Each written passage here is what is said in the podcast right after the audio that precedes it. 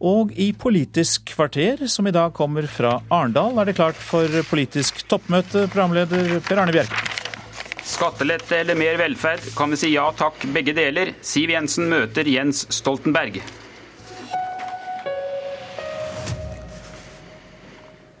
Statsminister Jens Stoltenberg, i partilederdebatten her i Arendal i går kveld advarte både du og de andre rød-grønne lederne mot Fremskrittspartiet.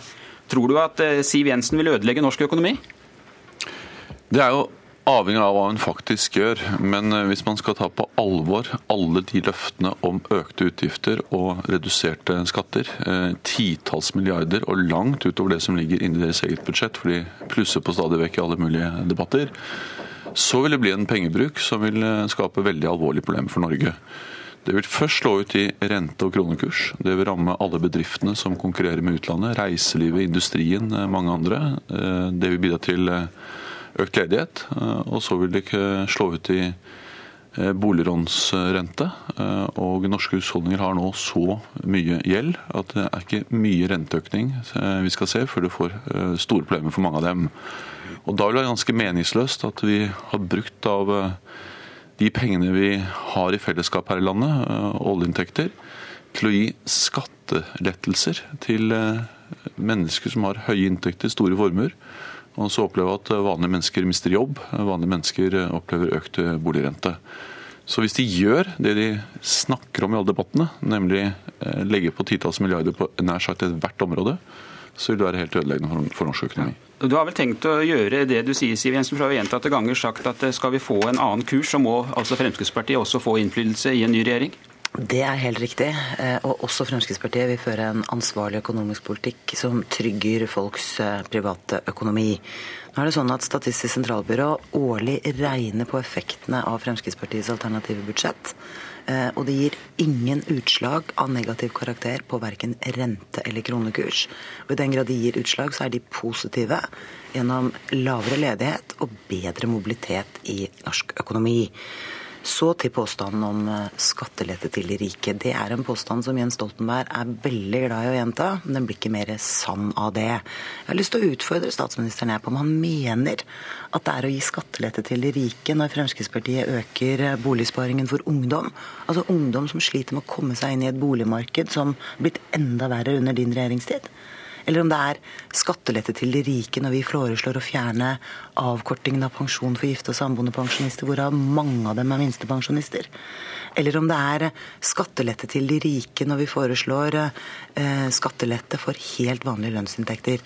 Det at vi på toppen av det ønsker å gjøre noe med arveavgiften, det er i hvert fall ikke noe som er først og fremst rammer de rike, men kanskje først og fremst rammer helt vanlige familier som ved dødsfall i familien sliter med å klare å beholde en eiendom som har vært i familien i generasjoner. Ja, eh, Jens Stoltenberg skal svare på de utfordringene. For å ta denne arveavgiften, Er det ikke urettferdig at en vanlig familie må betale så store beløp i arveavgift for å overta barndomshjemmet at de faktisk ikke har råd til å overta huset? Jeg mener at arveavgiften har klare svakheter, og derfor har vi gjort eh, betydelige lettelser. Du vil beholde den? Eh, jeg vil ikke utelukke at vi skal fortsette å gjøre lettelser i arveavgiften. og Vi har vist i denne regjeringen gjennom åtte år at vi gjør endringer og forbedringer i et forsvarlig tempo innenfor forsvarlige rammer. Vi har f.eks. Altså halvert andelen i Norge som betaler eh, formuesskatt. Eh, da Siv Jensen lagde budsjettforlik med den forrige regjeringen, var det langt flere med eh, lave pensjoner, inntekter, som betalte formuesskatt.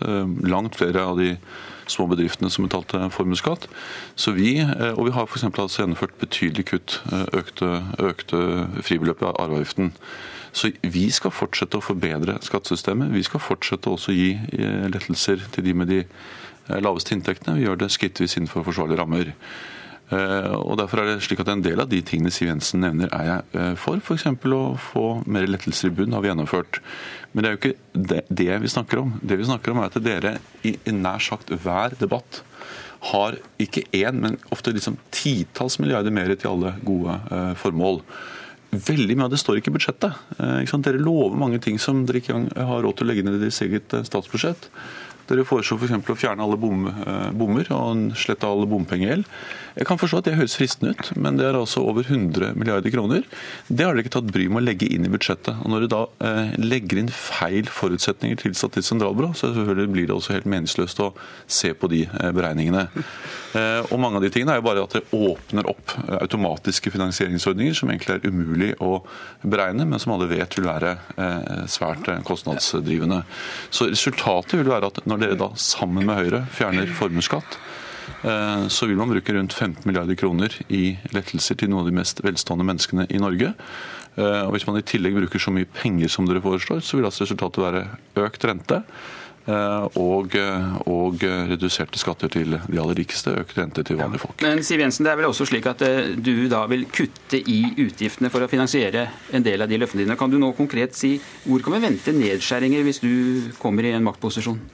Jeg må først få lov å tilbakevise noen av de feilaktige påstandene fra statsministeren. For det første så er det helt riktig eh, da vi eh, hadde Bondevik II-regjeringen, altså sentrum-høyre-regjering, Eh, at eh, Fremskrittspartiet ikke klarte å få gjort noe med formuesskatten. Det var fordi det ble gjennomført et skatteforlik, en skattereform, mellom Høyre og Arbeiderpartiet, som førte til at vi både fikk eh, opprettholdt formuesskatten og fikk en forsterket utbytteskatt. Så det var en kraftig skatteskjerpelse av norske bedrifter og norsk kapital. Det er jo grunnen til at vi er opptatt av å gjøre endringer på det. Fordi i dag så skattlegges utenlandsk eierskap i Norge mildere enn norsk eierskap i Norge. Så er det helt riktig, Fremskrittspartiet vil kutte. Vi mener at det er mulig å gjøre forbedringer i de offentlige innkjøpsordningene, i skjemaveldet. Vi kan redusere sykefraværet. Eh, det at vi får bygget ut bedre veier, gir eh, redusert kø og lettere fremkommelighet, og det sparer samfunnet for betydelige men... beløp.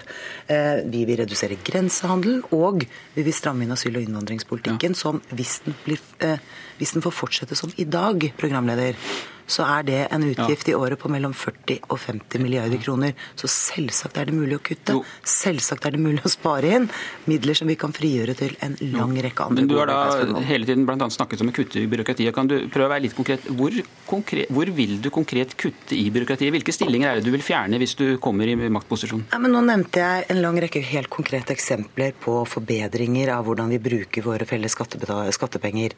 Det å få, eh, få, få effektivisert de offentlige innkjøpsordningene eh, er noe av det beste vi kan gjøre. For det handler om eh, altså Vi kjøper inn ganske store kvanta over offentlige budsjetter. Det å gjøre det på en smartere måte og billigere måte sparer dine skattepenger.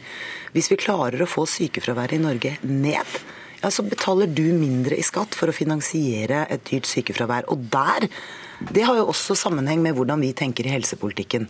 Noe av det dyreste vi kan gjøre, det er å la folk gå unødvendig lenge i kø for en operasjon som det offentlige har forpliktet seg til å gjennomføre. og Da skjønner ikke jeg hvorfor vi påfører oss dobbelte utgifter for noe vi likevel skal gjennomføre. Det er ikke smart. Det er rett og slett bare ikke økonomisk lønnsomt. Stoltenberg?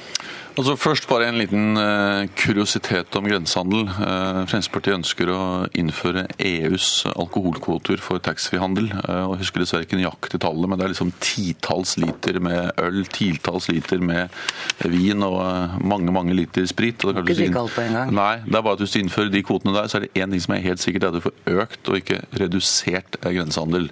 Det er punkt én. Men punkt to, som er eh, viktigere, det er at jeg er selvsagt for eh, en mer effektiv, mer veldreven offentlig sektor. Vi har gjennomført store endringer. Eh, vi kommer til å gjennomføre mange flere.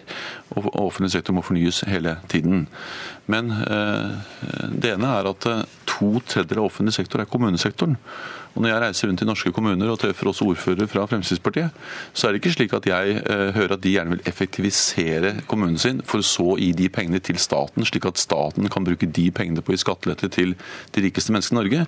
Nei, eh, norske kommunepolitikere fra alle partier ønsker at de pengene de greier å spare på en mer veldrevet offentlig kommune, f.eks. mer eh, veldrevne innkjøp i kommunene, skal de selvfølgelig bruke på bedre eldreomsorg, bedre skole i sin kommune.